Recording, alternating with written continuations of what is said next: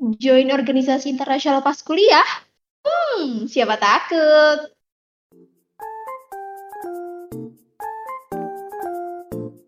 Let's get more insight by ISLCUB Podcast.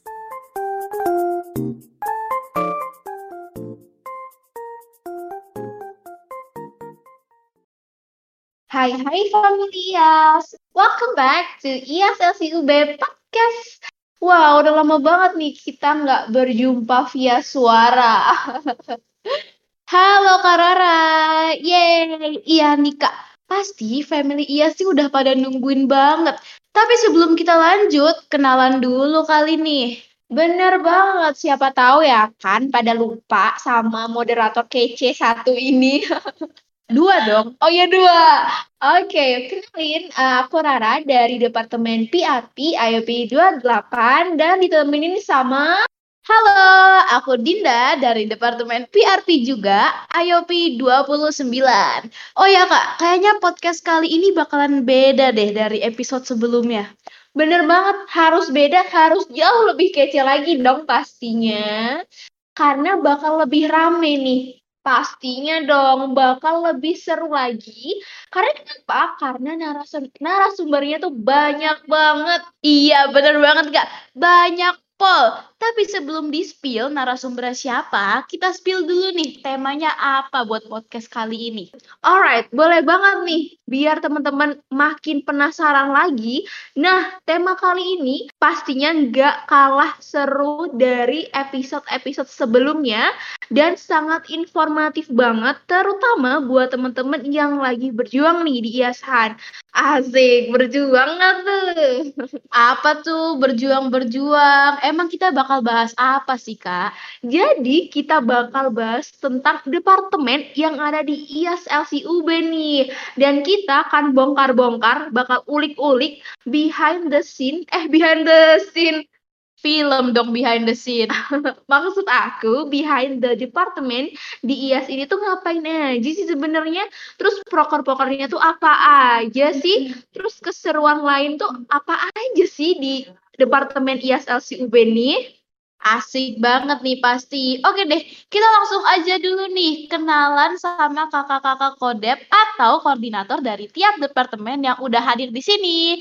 Kita sapa dulu nih. Halo kakak-kakak. Halo, Halo. Dinda. Wih, rame bener nih didengar-dengar. Biar makin akrab kenalan dulu deh satu-satu. Aku absen ya dari kode project dulu nih yang selalu budal-budal-budal ya gak kak? Halo Kak Reza. Halo, halo Rara dan Dinda. Halo family semuanya. Perkenalkan aku Reza, selaku koordinator dari Departemen Project IAS LCUB dari IAS IOP 28 dan aku asal dari Fakultas Peternakan angkatan 2020.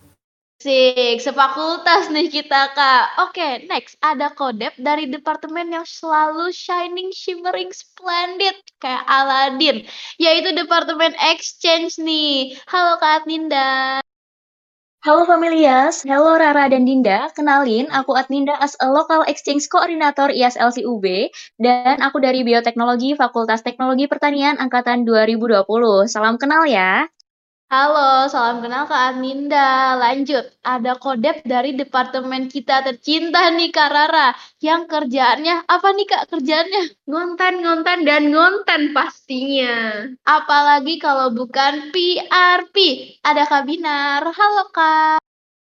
Widih, oke. Okay. Halo Rara, halo Rina dan juga halo Familias. Kenalin aku Binar dari IOP 28 dan untuk prodinya aku dari bioteknologi sama kayak Adinda tadi, Fakultas Teknologi Pertanian angkatan 2020. Oke, okay, thank you. Next, ada project dari departemen yang hobinya kajian dan selalu fokus, yaitu ada STD atau Science and Technology Department. Halo Kak Yosia. Halo Rara dan Dinda, dan juga halo semuanya. Halo, perkenalkan namaku Yosia, aku berasal dari Fakultas Pertanian angkatan 2020. Salam kenal semuanya. Oh Yosia, oke okay, last but not least ada kodep dari departemen yang sekarang lagi warawiri sama IAS Handi, yaitu bukan lain adalah HRD. Halo Kak Zata. Halo, malam Rara, Dinda, dan juga Familias. Perkenalkan, aku Zata, selaku Koordinator Departemen HRD ISLC UB. Dan saat ini aku sedang belajar di Fakultas Ilmu Sosial dan Ilmu Politik, jurusan Ilmu Komunikasi, Angkatan 2020. Wih, seru banget. Udah pada kenalan uh, sama kodep-kodep kita yang kece-kece ini.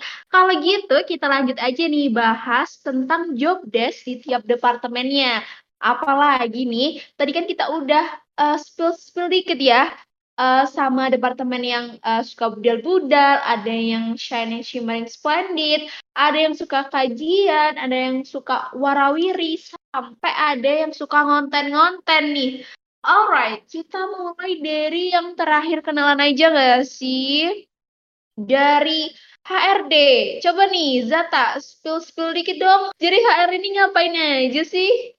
Aduh, um, oke aku spill nih ya. Jadi mungkin nih ya orang-orang tuh kalau denger HRD itu pasti langsung nyautnya ke bondang-bondingnya aja nih. Tapi sebenarnya tuh bukan cuman itu. Jadi tugas utama HRD di ISLC UB tuh ada tiga, yaitu memaintain, mendevelop, dan juga merekrut member. Makanya di HRD itu ada tiga tim nih. Yang pertama ada tim maintenance yang job desk-nya mencurahkan perhatian dan juga memfasilitasi bonding antar member biar pada nyaman gitu ya satu sama lain di IAS juga. Dan ada juga tim development yang tugasnya membantu pengembangan diri member dengan bikin event-event yang kece. Dan yang terakhir, ada tim recruitment yang tugasnya meregenerasi member IAS. Dan kebetulan banget nih, tim recruitment sekarang lagi ngerjain progres IAS Han buat ngerekrut member baru. Waduh, keren banget sih. Si paling bonding nih departemennya. Pokoknya berarti temen-temen nih yang seneng ngadain acara bonding atau suka ngamatin orang-orang, cocok banget sih ini masuk ke HRD. Betul banget sih kalau itu. Oke, selanjutnya kita move ke departemen STD nih. Selain kajian, sebenarnya di STD nih ngapain aja sih Kak Yosia buat job desk-job desknya? Iya, Uh, mungkin sebagian besar tahu nih kalau STD, uh, eh, sukanya kajian nih. Tapi secara umum kami itu punya dua job desk kalau dilihat, yaitu yang pertama melakukan penyebar luasan pengetahuan di bidang pertanian dan lingkungan itu kepada member IAS LSUB dan juga yang kedua itu kepada, uh, eksternal masyarakat luas. Jadi dari job job desk tersebut kemudian kalau di STD sendiri akan dibentuk dua tim, yaitu tim internal yang bertugas untuk menyebarluaskan ilmu pengetahuan terkait pertanian kepada uh, teman-teman internal IAS-LCUB yang bisa dilakukan melalui kegiatan diskusi seperti kajian LC dan juga satu lagi nih tim eksternal yaitu tim yang bertugas untuk memberikan edukasi dan pengetahuan terhadap masyarakat masyarakat luas melalui kegiatan kampanye baik yang dilakukan secara daring maupun luring. Widih, keren banget ya. Jadi ada tim internal dan eksternal juga dan penyebar luasan informasi itu jadi merata ya Din ya. Bener banget nih. Berarti ini gak kalah seru juga nih sama departemen HRD tadi. Iya dong. Oke, next kita ke departemen yang tagline-nya Content for Life alias departemen kesayangan kita semua. Nah, ngapain aja sih sebenarnya di PRP nih selain ngonten-ngonten dan ngonten? Ya ampun, bener banget sih tagline yang paling cocok buat PRP itu emang ngonten for life. Oke, aku jelasin dikit ya. Jadi PRP atau Public Relation and Partnership itu bisa dibilang mukanya IAS nih di pihak eksternal. Keren gak sih? Nah, di PRP ini dibagi jadi dua tim, ada partnership team dan communication team buat partnershipnya itu bagian yang nyari plus ngehubungin para pihak eksternal. Jadi kalau nanti ada yang mau kerja sama sama IAS ataupun sebaliknya MOU-an nih, itu bagian dari partnership tim yang bakal maju. Dan kalau dari communication team, itu yang bagian mengontennya tadi. Kalau teman-teman cek nih di sosial medianya IAS kan banyak tuh kontennya. Nah, itu yang bikin adalah teman-teman kom. Selain itu, dari PRP juga punya tanggung jawab lain, yaitu buat ngasih wadah ke teman-teman IAS LCUB untuk ningkatin skill desainnya melalui salah satu programnya tadi, yaitu ada nanti yang namanya EDCO, gitu teman-teman. Si departemen kita nih fix cocok banget buat yang suka konten dan yang pingin uh, ningkatin public speakingnya tuh bisa banget join di PRP. Bener banget nggak, Nar? Bener banget dong. Fix to the max. Cocok banget banget. Cocok banget banget banget gitu katanya ya. Alright, lanjut lagi. Alright, lanjut lagi ke departemen yang selalu shining, shimmering, splendid katanya ya kan? Apalagi kalau bukan exchange. Nah, aku kepo banget nih sama exchange. Apa bener nih rumornya kalau masuk exchange nih kita bakal keluar negeri Kak Ninda? Waduh, waduh. Sebenarnya buat keluar negeri bisa kok guys dari departemen mana pun. Tapi biar lebih satset-satset dapat infonya, boleh banget buat teman-teman masuk departemen exchange dulu. Nah, di exchange department sendiri, salah satu job desk utamanya adalah kita memfasilitasi teman-teman untuk exchange program nasional maupun internasional. Kita punya tiga tim di sini, ada exchange internal affair, language development team, dan job pricing team. Bersama tim-tim kita yang shining ini, selain bisa exchange skala nasional dan internasional, teman-teman juga bisa banget improve English skill-nya. Bisa sharing sama native speaker dari luar negeri. Dan pastinya buat teman-teman yang mau cari beasiswa ke luar negeri, kita juga bisa sharing dan dapat tips-tips langsung dari awardee scholarship-scholarship yang bergengsi di Indonesia juga loh teman-teman. So, kami tunggu ya teman-teman semua. Join exchange, let's go! Oke, join exchange, let's go. Bagus banget tagline-nya. Oke, jadi buat teman-teman yang uh, kayaknya tuh ada pandangan gitu ya buat uh, uh, dapat beasiswa gitu di luar negeri, bisa banget dapat informasinya dari exchange ya kan. Nah, ternyata aku baru tahu nih, ternyata exchange tuh seseru itu dan bisa nambah skill bahasa Inggris juga ya. Iya dong, pastinya. Oke, terakhir nih kita ke budal-budal tim, yaitu Departemen Project. Oh ya, sebelumnya buat yang belum tahu nih, budal itu bahasa Jawa ya guys, yang artinya berangkat. Kayaknya bisa ketebak deh, ini departemen yang paling sering jalan-jalan. Bener apa bener banget nih Kak Reza?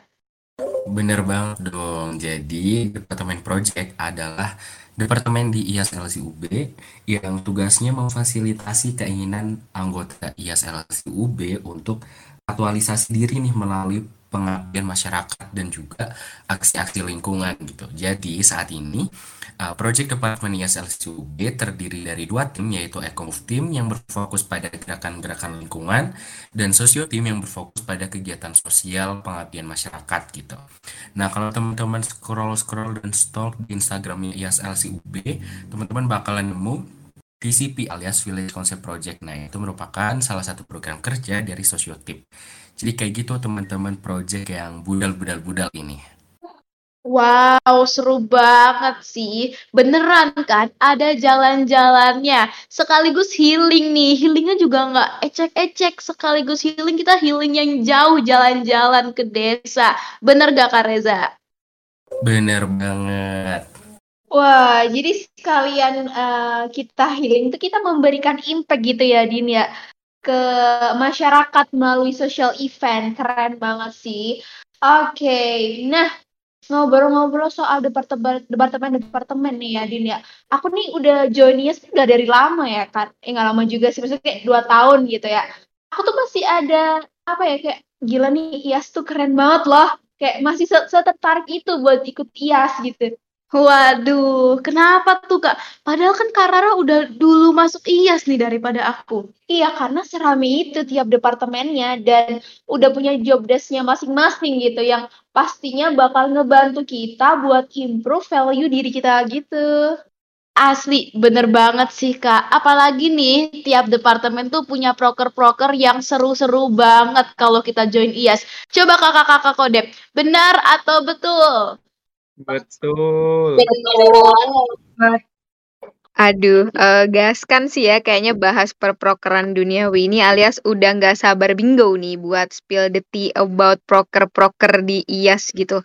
Aduh, dilihat-lihat nih Bunda Zata udah bersemangat banget nih buat spill.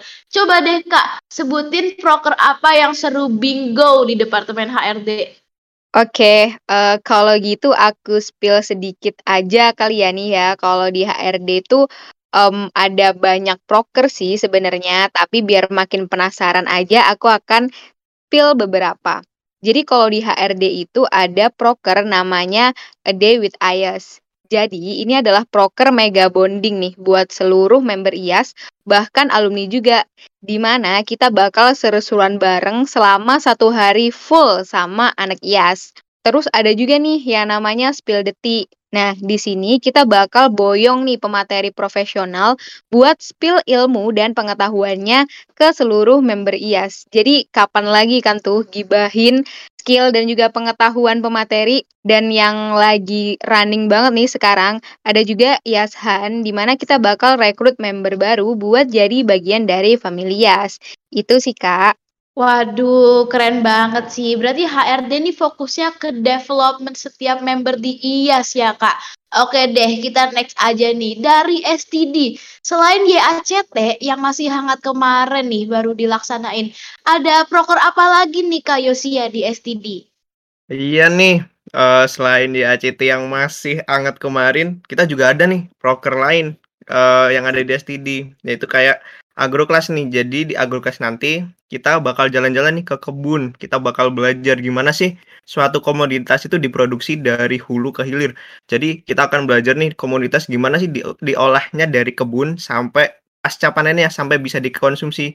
Nah, dan selain itu di STD juga ada program lain nih selain YACT dan agroklas yaitu ada Monlias Impact, kajian LC, Freya, dan juga Agricultips.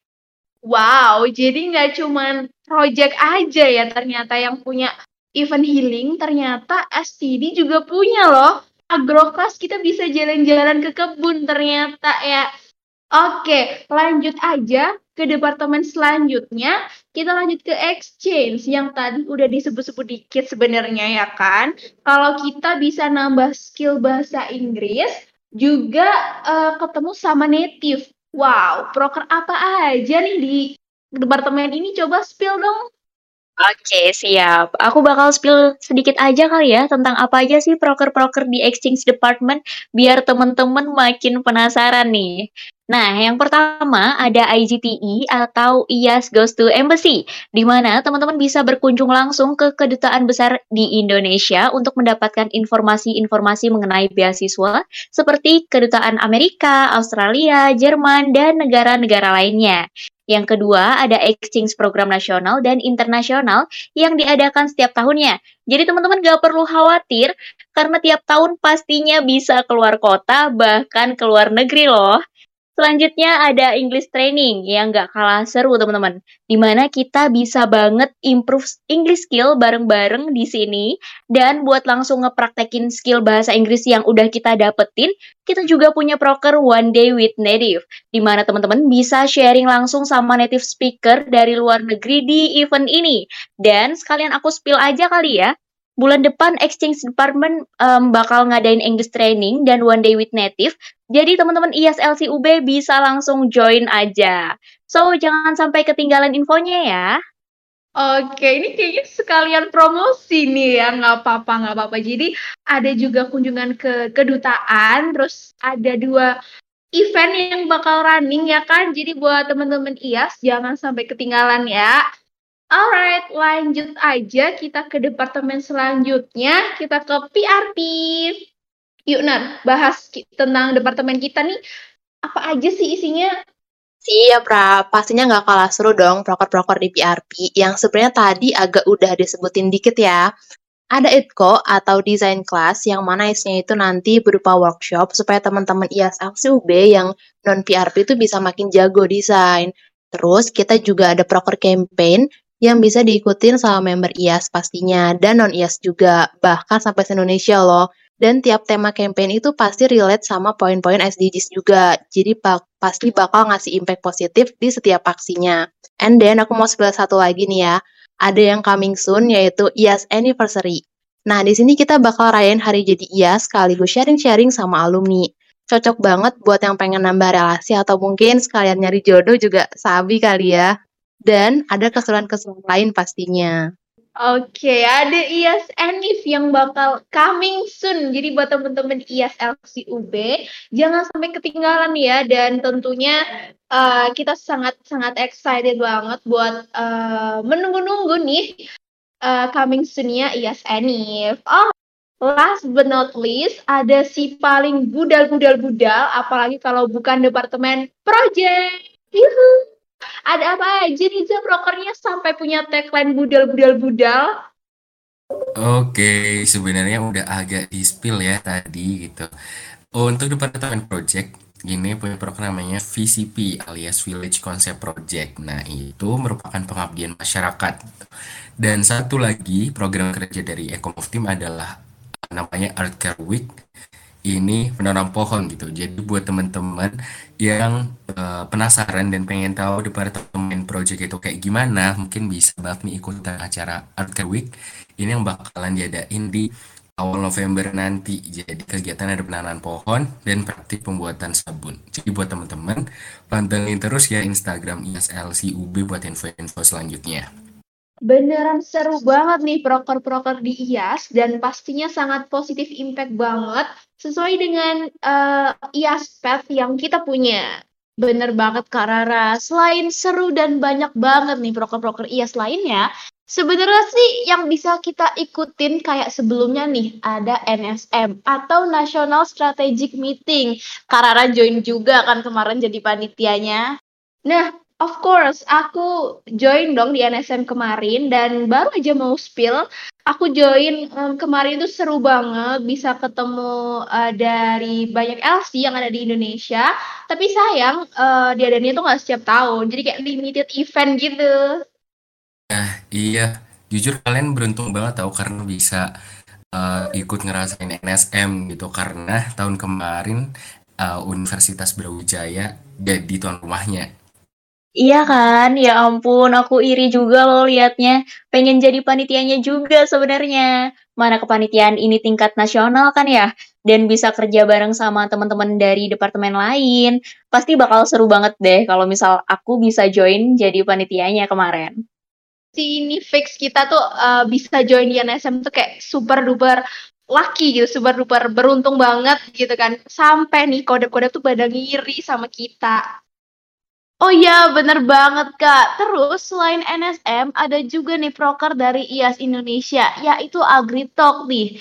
Ternyata panitianya itu kemarin pakai sistem delegasi dari setiap LC. Dan aku merasa beruntung nih kemarin aku sempat terlibat di acara AgriTalk ini. Oh iya, AgriTalk. Kayaknya sih aku pernah ditawarin deh sama Binar, tapi kebetulan waktu itu aku ada project lain jadi berhalangan buat join AgriTalk. Iya bener banget Ra. Tapi ini sebenarnya infonya dari Kayosia sih, karena itu programnya VDST atau timnya IAS Indo yang menaungi Departemen STD gitu. Bener banget nih Winar. Jadi AgriTalks itu adalah salah satu annual program IAS Indonesia yang dilakukan untuk melakukan diskusi nih terkait dengan isu yang masih panas nih. Jadi nanti kita bakal diskusi nih sama uh, LC-LC lain terkait satu isu, ya konsepnya sama lah kayak kajian LC yang kita punya di LC kita. Oh, pantesan. Nah, berhubung aku nggak sempet join nih, Din, aku pengen tahu nih dari kamu, uh, di Agritalk itu ngapain aja sih? Jadi PO nggak sih, Din? Kamu keren banget tahu.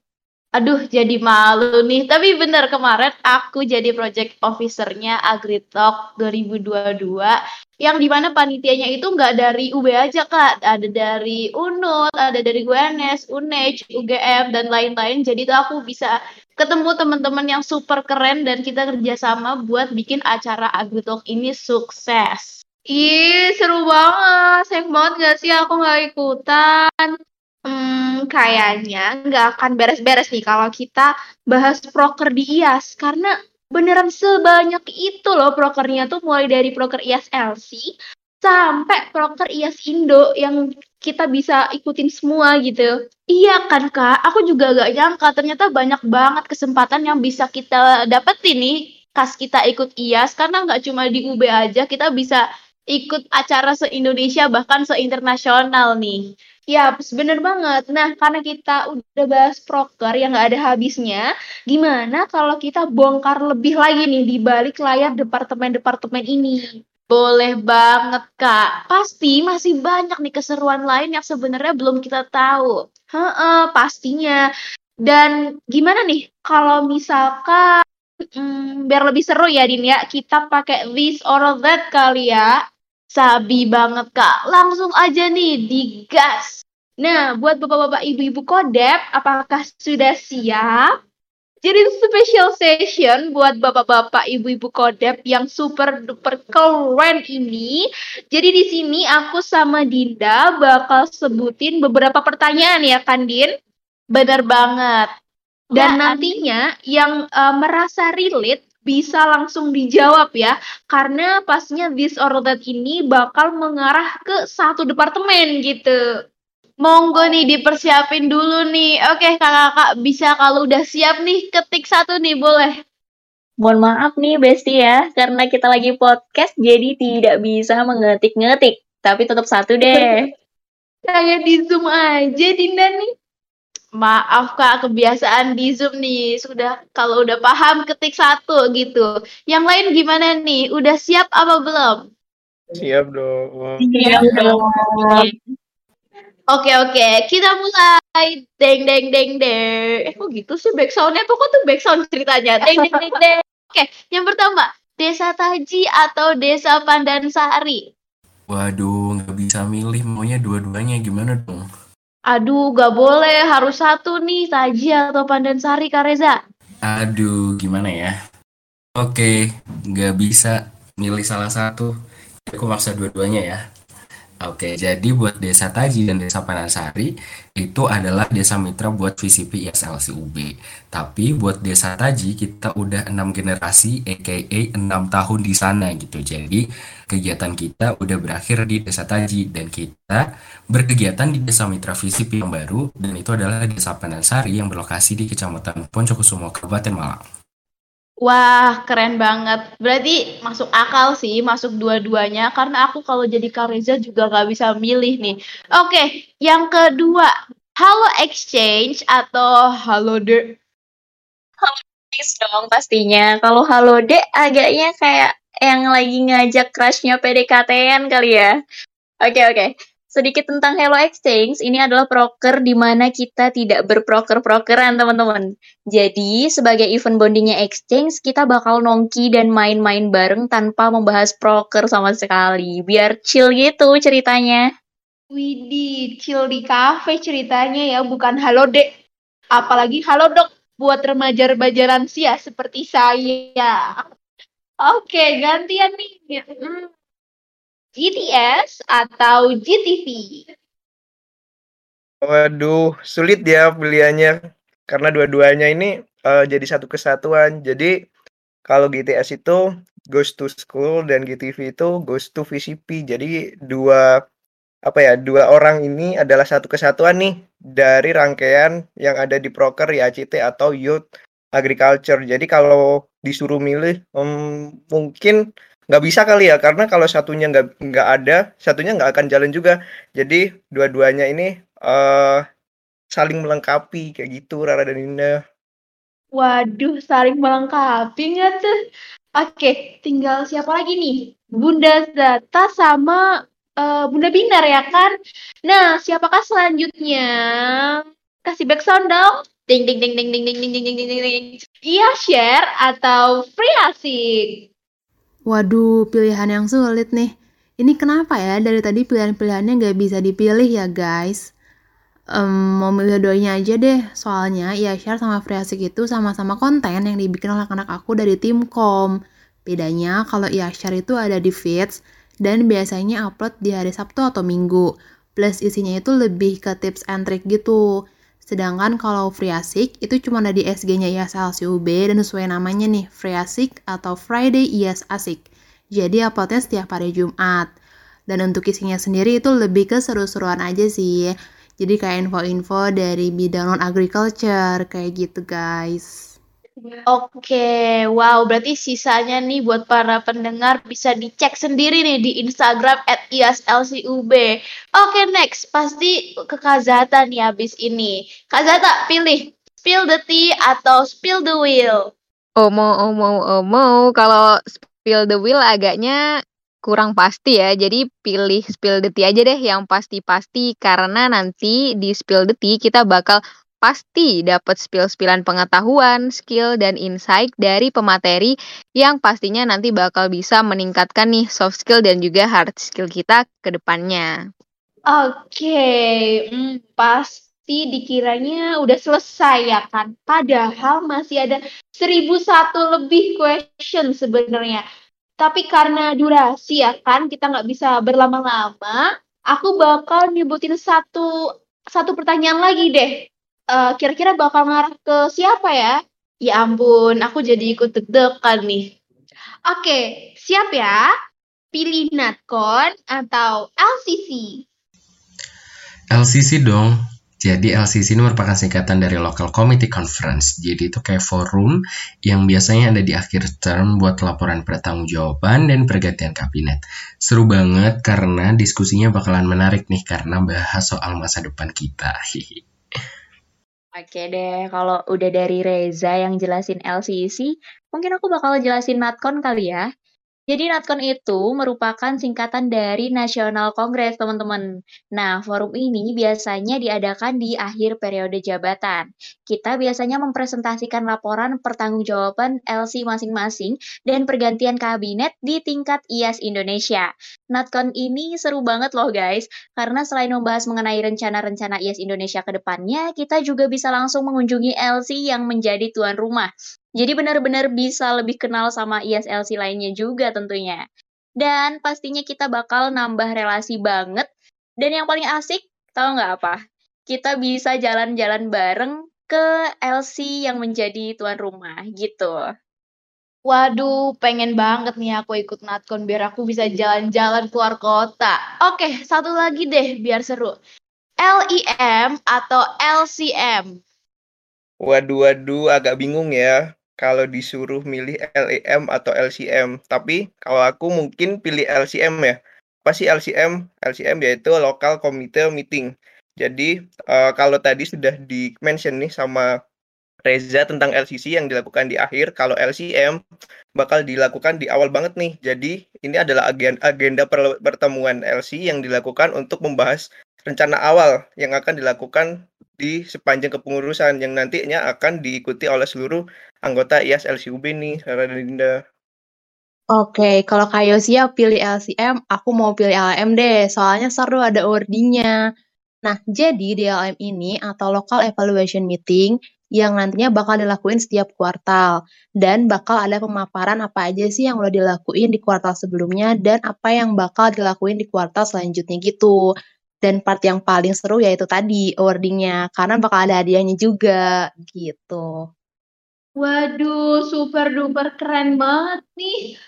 Um, gimana kalau satu pertanyaan lagi? Aduh, uh, dilihat-lihat agaknya bakal seribu pertanyaan beneran kah ini kak? beneran yang terakhir deh, kali ini janji. Oke, okay, IASHAN atau IOP? Aduh, ini susah banget sih, karena dua-duanya tuh ada di hati aku ya. Aduh. Tapi, um, berhubung IOP itu adalah bagian dari IASHAN, jadi aku pilih IASHAN deh. Jadi, IASHAN itu merupakan rangkaian open recruitment nih dari ISLC UB, dari mulai, uh, seleksi berkas, terus interview, magang, sampai nanti puncaknya itu adalah IOP atau IS Orientation Program.